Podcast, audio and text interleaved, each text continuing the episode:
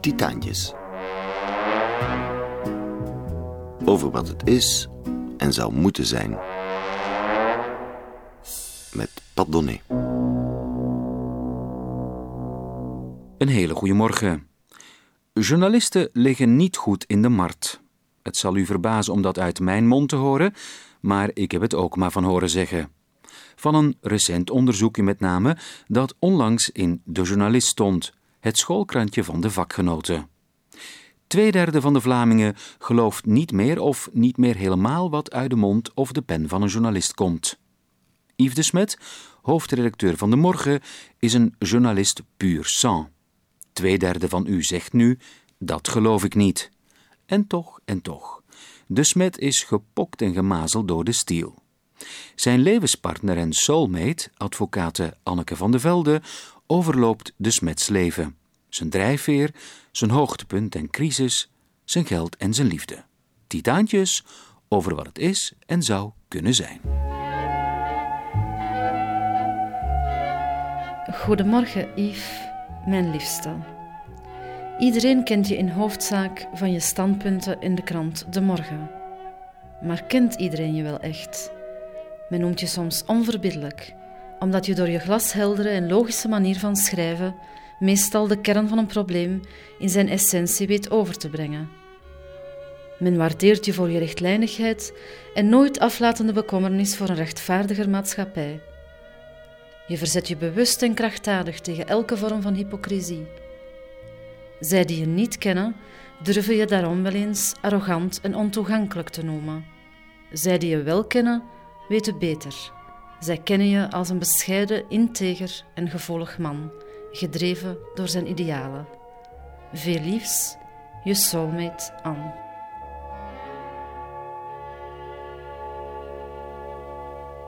Goedemorgen. We hoorden, dames en heren, kort samengevat het leven van zijn heiligheid Yves de Smet. Goedemorgen, Yves. Goedemorgen. Je bent rechtlijnig, bekommerd en om een rechtvaardige maatschappij. Je bent geëngageerd, compromisloos en nog wat. Uh, dat laat ik even opzij.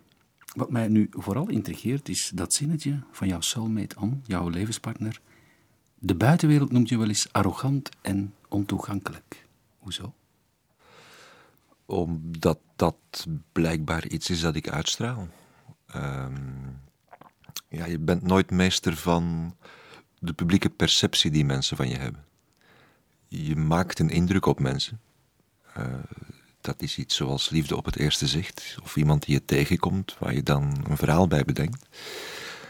En de meeste mensen kennen mij uh, ofwel door die standpunten in de krant, waarin ik nogal kassant en hard kan zijn, omdat ik vind dat dat daar mijn rol is die ik moet spelen.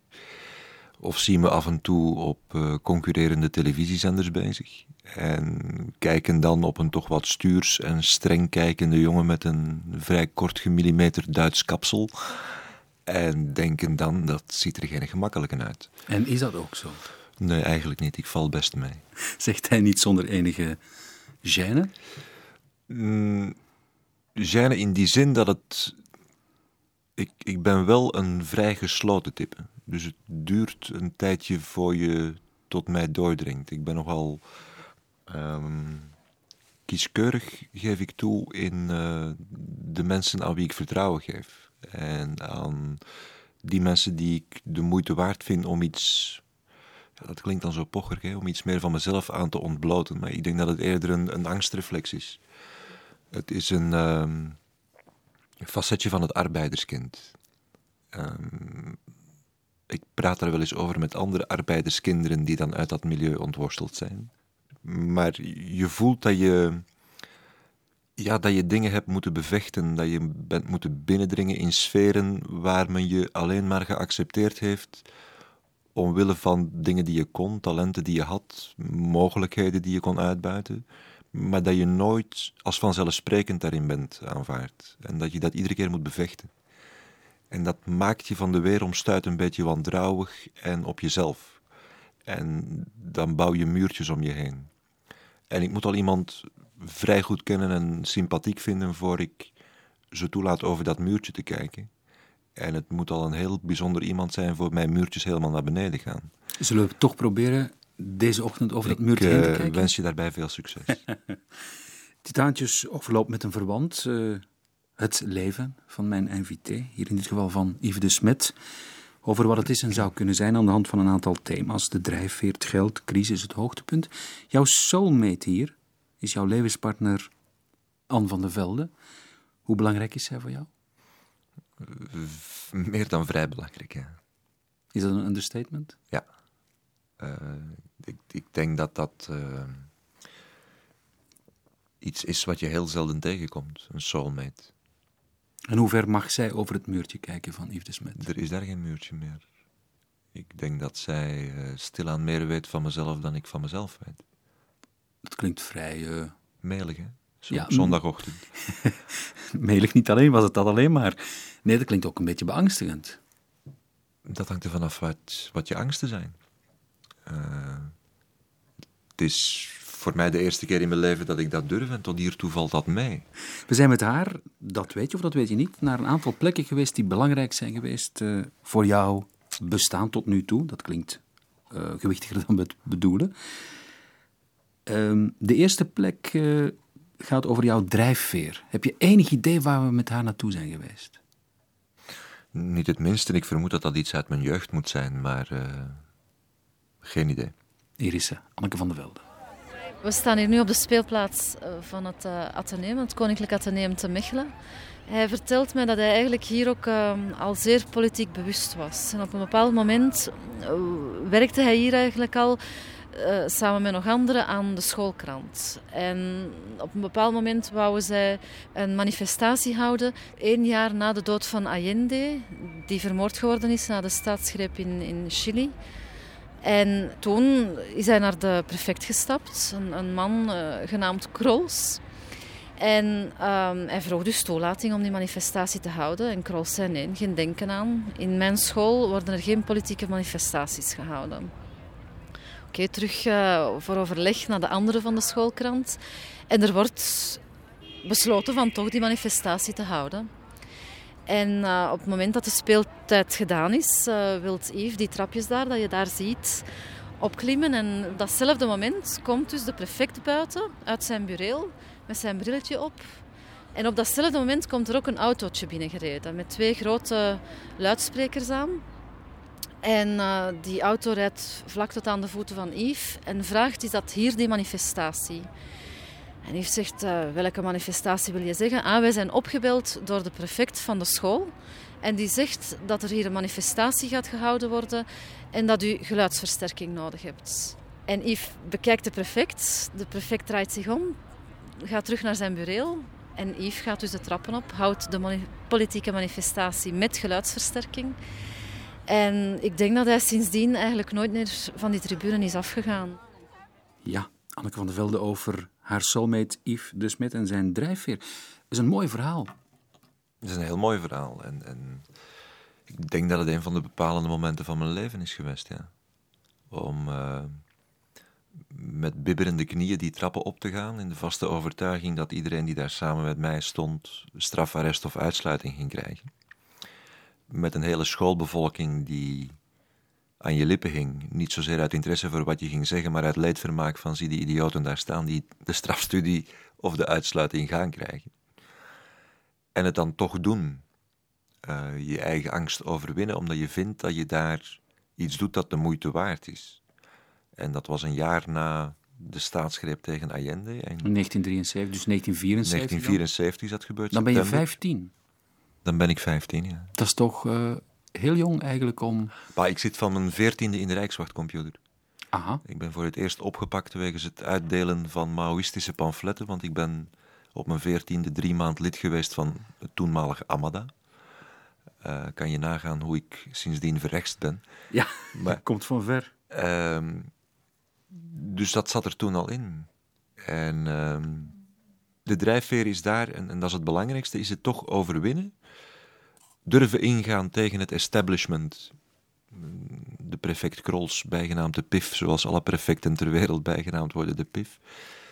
En ik, ik denk dat ik sindsdien iedere keer of iedere dag dat ik een, achter mijn klavier ga zitten en een editoriaal begin te schrijven, dat ik terug het gevoel heb van Ik ben terug die jongen van 15 die op het bordes gaat staan en eens zegt hoe de wereld volgens hem in elkaar zou moeten steken. En dan merken dat dat establishment, ondanks alle vormelijkheid en ondanks alle regeltjes, daar toch niet alleen respect voor heeft, maar je zelfs daarin steunt.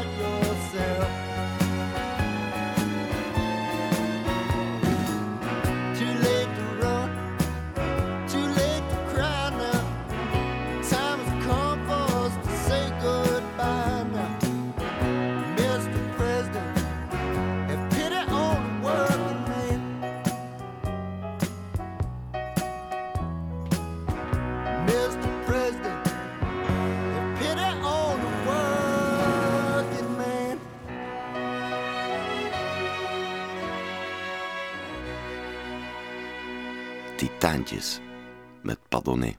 Yves de Smet, eh, hoe belangrijk is luxe voor jou? Hoe definieer je luxe? Ongegeneerd en eh, kunnen doen wat je wil, wanneer en met wie.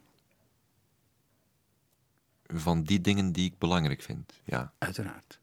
En dat, Dus ik heb geen behoefte aan eh, een Rolls Royce of aan een buitenverblijf. Ik heb zelfs tot voor kort geen behoefte gehad aan een huis, want ik, je was dakloos. ja, dakloos is een groot woord. Ik, ik heb wel even zo tussen huizen doorgeleefd, laat het me zo zeggen. Maar ehm, eh, ik, ik, ik heb wel een zekere regel dat wanneer ik zin heb om met een goede vriend, die ik toevallig tegen het lijf loop, en dat ik zeg, het is lang geleden dat we elkaar gezien hebben, kom, we trekken hier naar het beste restaurant in de buurt.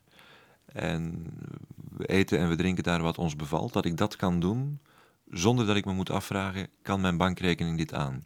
Dus ik, ik, ik wil een boekenzaak kunnen binnenstappen en daar met tien boeken buiten wandelen, zonder dat ik me moet afvragen, kan ik me dit deze maand wel permitteren? Ik ben zeker geen asceet of ik ben geen eh, groot aanhanger van de theorie dat alleen armoede gelukkig maakt, integendeel. Dus ik stel een zekere vorm van materiële luxe op prijs, maar niet in de zin van ik moet een kapitaal hebben staan en ik moet ooit in mijn leven binnen zijn en ik moet eh, ervoor zorgen dat ik ooit mijn appartementje aan de kust heb of mijn buitenverblijf in Toscanië. eh, dat niet. Nee. Als we het chic willen formuleren, dan kunnen we zeggen dat je een, een soort van sociaal bewogen hedonist bent. Wauw. Ehm, ja. Is benieuwd of jouw levenspartner, Anneke, jouw soulmate, daar ook zo over denkt. We zitten nu in de wagen van Yves, een Renault Espace, een monovolume. En ik heb deze wagen gekozen als een plek omdat ik vind dat alles wat dat in deze wagen kan, eigenlijk alles is wat dat Yves materieel belangrijk vindt. Bedoel daarmee, als Yves verhuist, kan hij alles wat hij verhuist in de koffer van deze wagen onderbrengen. Ehm, ik denk nu wel iemand die, die, die een bekendheid heeft als journalist, een bepaalde marktwaarde heeft. En ik denk dat Yves daar wel belang aan hecht. Ik denk niet dat hij iemand is dat nu zou gaan werken onder zijn marktwaarde. Dus in, in die zin heeft geld wel belang voor hem. Of heeft zijn loon wel belang voor hem. Maar ik denk dat dat ook normaal is. Ik denk dat dat iets is waarvoor hij gewerkt heeft, waarvoor hij jarenlang gevroed heeft. En hij heeft ook een bepaalde intelligentie en een bepaald kunnen. Dus ik denk dat hij dat inderdaad op de markt mag gooien en op de markt mag, mag eisen wat dat hij waard is. Zo meet Anneke van de Velde over het geld van Yves de Smet. Ja, in een Renault Espace, Yves de Smet, kan met gemak 50 kilogram goud, hè, natuurlijk. Hmm. Nee, maar ik, ik weet waar ze het over heeft. Ehm, ik ben naar haar toegekomen met die Espas. En daar stak alles in wat ik mee had. Eh, dat waren boeken en platen en eh, een hoop kledingstukken waarvan zij dan de helft heeft weggegooid omdat ze die niet mooi vond. Dus het had nog met wat minder gekund. Maar Ze zei zelf op een bepaald ogenblik, eh, buiten de opname, wel geteld 12 dozen. Dat was het. ja, ik heb ze niet geteld, maar het moet die orde van grootte geweest zijn. Dat is toch schraal, dat is toch ja, bijna onvoorstelbaar voor iemand eh, van 41. Nee, ik, ik ben iemand. ehm, ik, ik leef in het heden, dat heb ik heel sterk. Ehm, wat voorbij is, is voorbij, kan je niks aan veranderen. En wat gaat komen, dat zien we wel. Dus ik heb in mijn leven waarschijnlijk eh, ja, duizenden artikels geschreven. Ik heb er daar geen enkel van thuis. Goed. Ik heb geen privéarchief. Ik hou Maar dat zijn, dat herin- soort dingen niet bij. dat zijn souvenirs, dat zijn herinneringen. Dat, daar kan ik me nog iets bij voorstellen. Maar Ja, puur maar ook, materieel. ook, het, ook het materiële substraat. Of, of ja, als ik verhuis, dan, dan kan ik natuurlijk meubilair meenemen. Maar dat doe je niet. Ja, als je, uit een, als je in, een, in een echtscheiding zit en dan zeg je, ja, god, ik ga, ik heb, ik, ik, eh, ik ga de moeite niet doen om, om hier ruzie over te maken. Hou het. En dan, ja goed, dan loop ik wel even bij Ikea en, en als ik mij dan iets beters kan permitteren, dan, dan wel. Ik hecht niet zo aan materiële dingen, nee. Yves, in Titaantjes mag mijn Titaantje zijn of haar favoriete love song kiezen. Is dat een moeilijke keuze geweest? Ja, omdat ik er eigenlijk geen heb. Ik, ik, er is niet zo. De meeste koppels hebben dat wel, hè? Van hun liedje waar ze elkaar op leren kennen hebben, of, of de eerste dans van het huwelijksfeest. Of, Ehm, ik heb dat zo niet. Maar je moet. Maar je moet, en dan, dan vind ik, wat ik wel een heel mooi vind, is eh, Billy Paul. Me en Mrs. Jones. Why? Luister en je zal het weten. Ja, ik wil daar even vooraf met jou eh, over doorbomen. Mag ik even citeren? Me and Mrs. Jones, we got a thing going on. We both know that it's wrong, but it's much too strong to let it go now. Vrij vertaald. Ik en mevrouw Jones, we hebben iets met elkaar. We weten dat het fout is, maar het vlees is zo zwak, meneer. Met andere woorden, deze song gaat over overspel. Nee, je, je vertaalt totaal verkeerd. Aha. Er staat nergens dat het vlees zo zwak is. But it's much too strong. Er staat wat we voor elkaar voelen is veel te sterk om toe te geven aan wat dan de conventies zijn van hoe mensen met elkaar zouden moeten omgaan in een relatie. En als dat gevoel, en dat heeft niets te maken of niet te maken met het vlees is zwak, want dan, dan, zit je, dan degradeer je het tot een, eh, tot een slippertje of tot een one-night stand. Dat is iets anders. Maar als je, als je dat oprechte sterke gevoel hebt, ja, dan gaat dat boven alles. Dan gaat dat boven huizen, meubilairs, huwelijken, noem het op. We zullen het Billy Paul zelf eens laten zingen. Me and Mrs. Jones.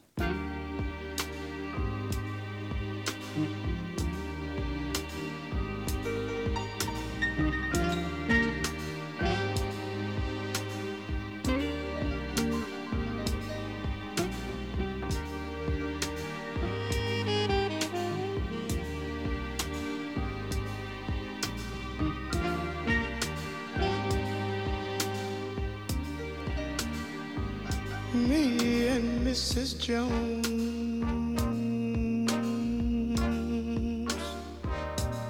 We got a thing going on.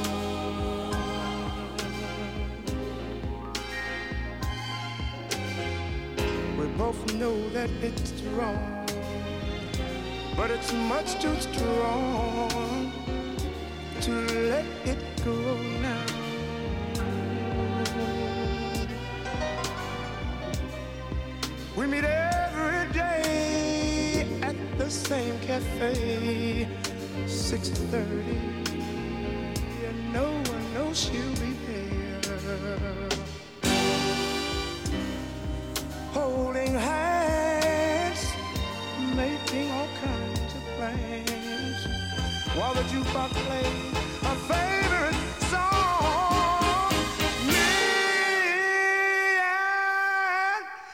Mrs. Mrs. Jones, Mrs. Jones, Mrs. Jones, Mrs. Jones.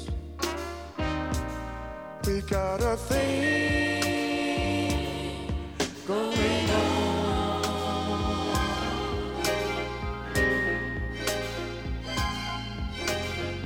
We both know that it's wrong, but it's much too strong to let it go now.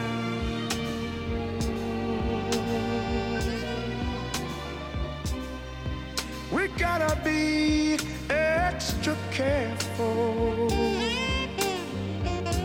that we don't build our hopes up too high.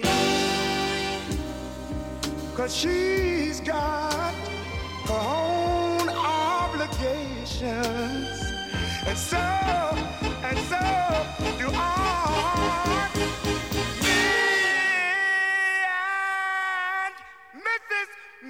Mrs. Jones, Mrs. Jones, Mrs. Jones, Mrs. Jones.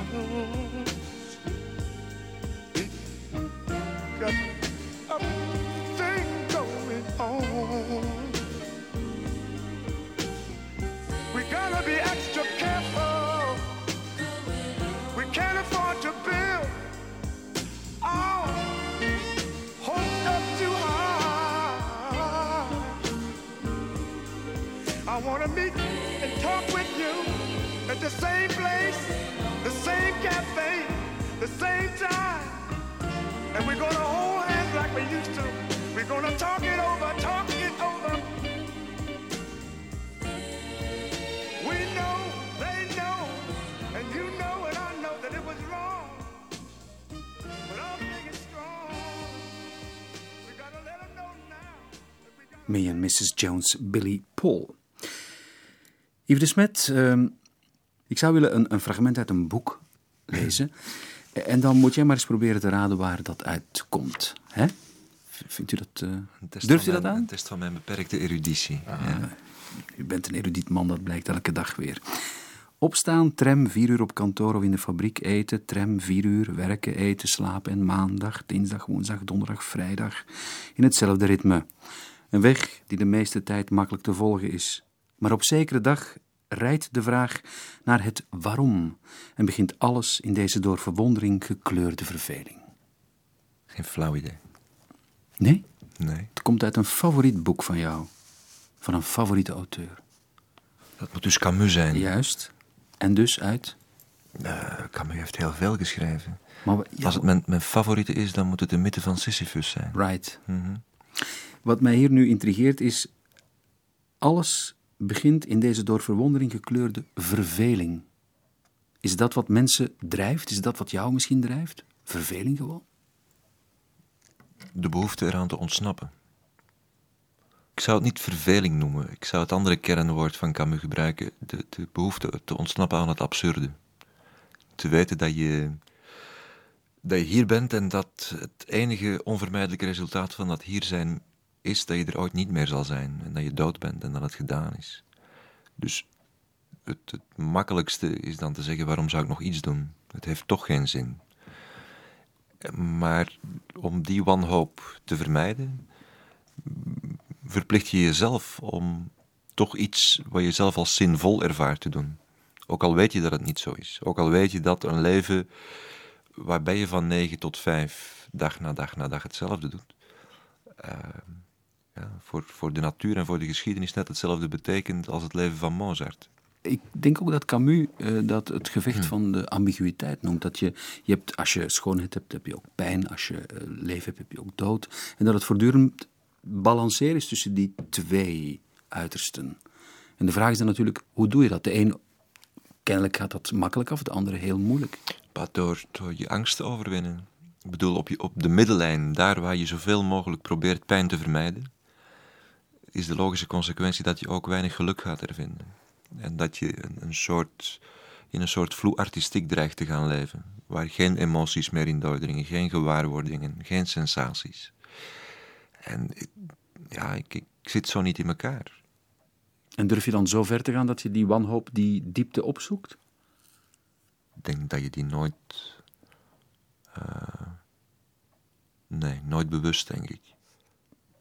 Door de pretentie te hebben om sterke standpunten in te nemen, roep je sterke standpunten tegen jou op. Dus dat weet je, dat incalculeer je in. Als je de pretentie hebt om succes te hebben in je job, roep je afgunst op. Soms ook van mensen die je graag hebt. Dat is professioneel, maar persoonlijk bedoel. Daar geldt net hetzelfde principe. Dus Als je, als je durft eh, totaal te beminnen, moet je er rekening mee houden dat er ooit ook totale wanhoop tegenover zal staan.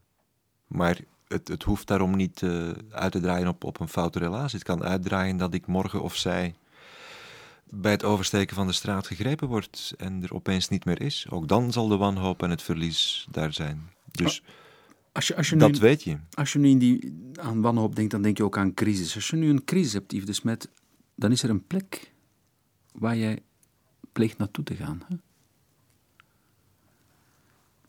Ja, nee. Ik bedoel, Nee, weet er je zijn wat? grenzen aan mijn privacy en nu zitten we er heel dichtbij. Wel, ehm, dat is dan toch maar eh, aan jouw soulmate te wijten. We staan hier dus nu in eh, het kamp van Breendonk. Dat is een concentratiekamp in de buurt van Mechelen. Hier hebben politieke gevangenen gezeten in de oorlog. En Yves komt naar deze plaats wanneer hij zich in een crisissituatie bevindt, wanneer hij depressief is, wanneer hij een moeilijke periode in zijn leven doormaakt, wanneer hij beslissingen moet nemen waar hij niet achter staat. En komt hier dan wandelen. Probeert dan op die manier eigenlijk te relativeren. Hij zegt eh, wat die mensen daar meegemaakt hebben, dat is niets vergeleken met wat dat ik vandaag meemaak.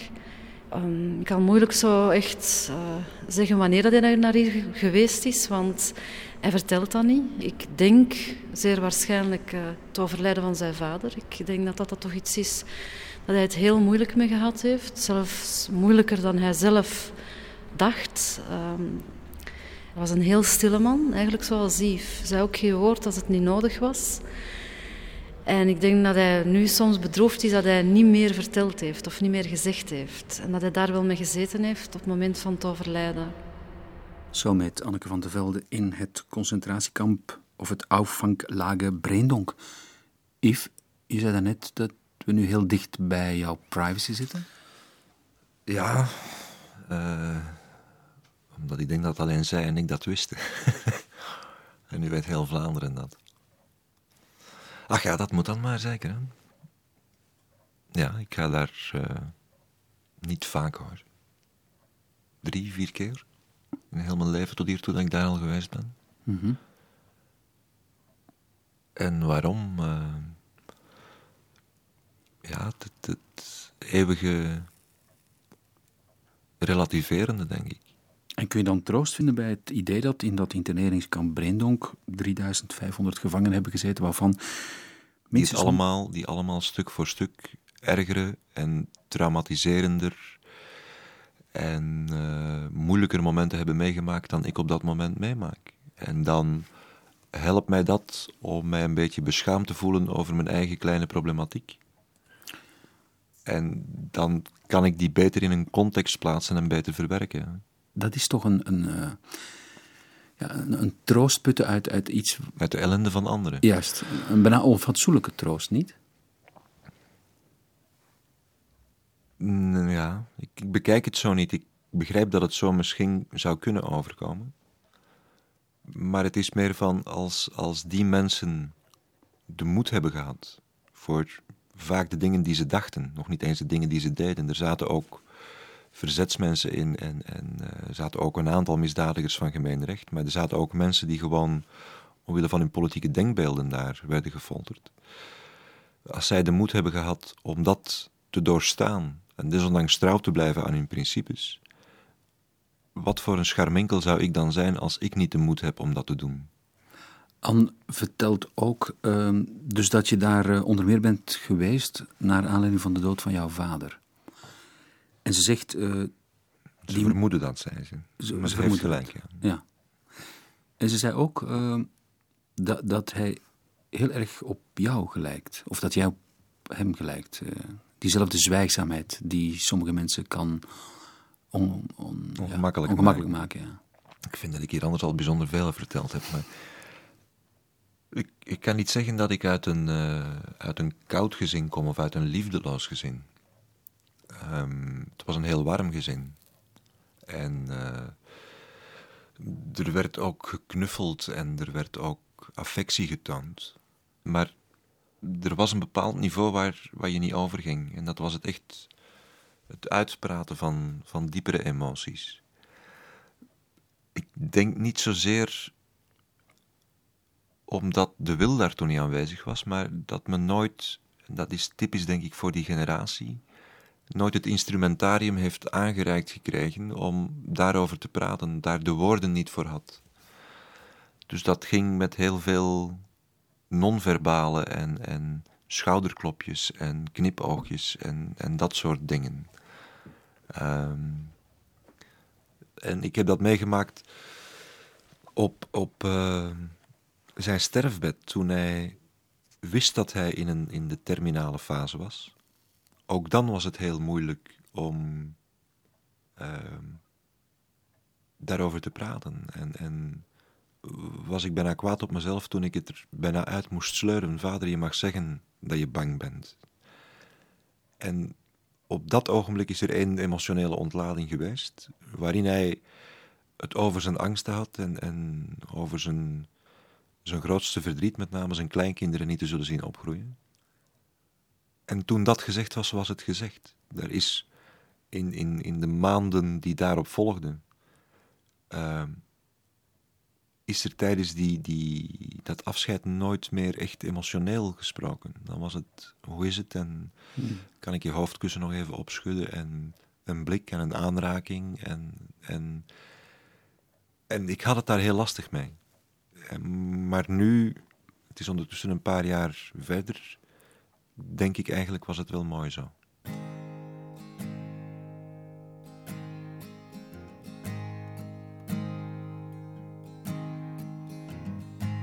Sometimes I forget that you've gone. You've gone and you're not coming back. And it's hard to believe you're still not here. What's left behind disputes that fact. Your closet's still full of your clothes and your shoes. And your bookcase still holds all your books. It's as if all you done was to go out of town. You'll be back soon, that's just how it looks. But your suitcase is empty. It's right here in the hall. That's not even the strangest thing.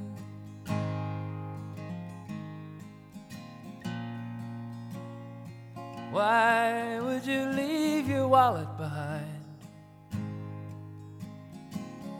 Your glasses, your wristwatch and ring. glasses, your wristwatch and ring.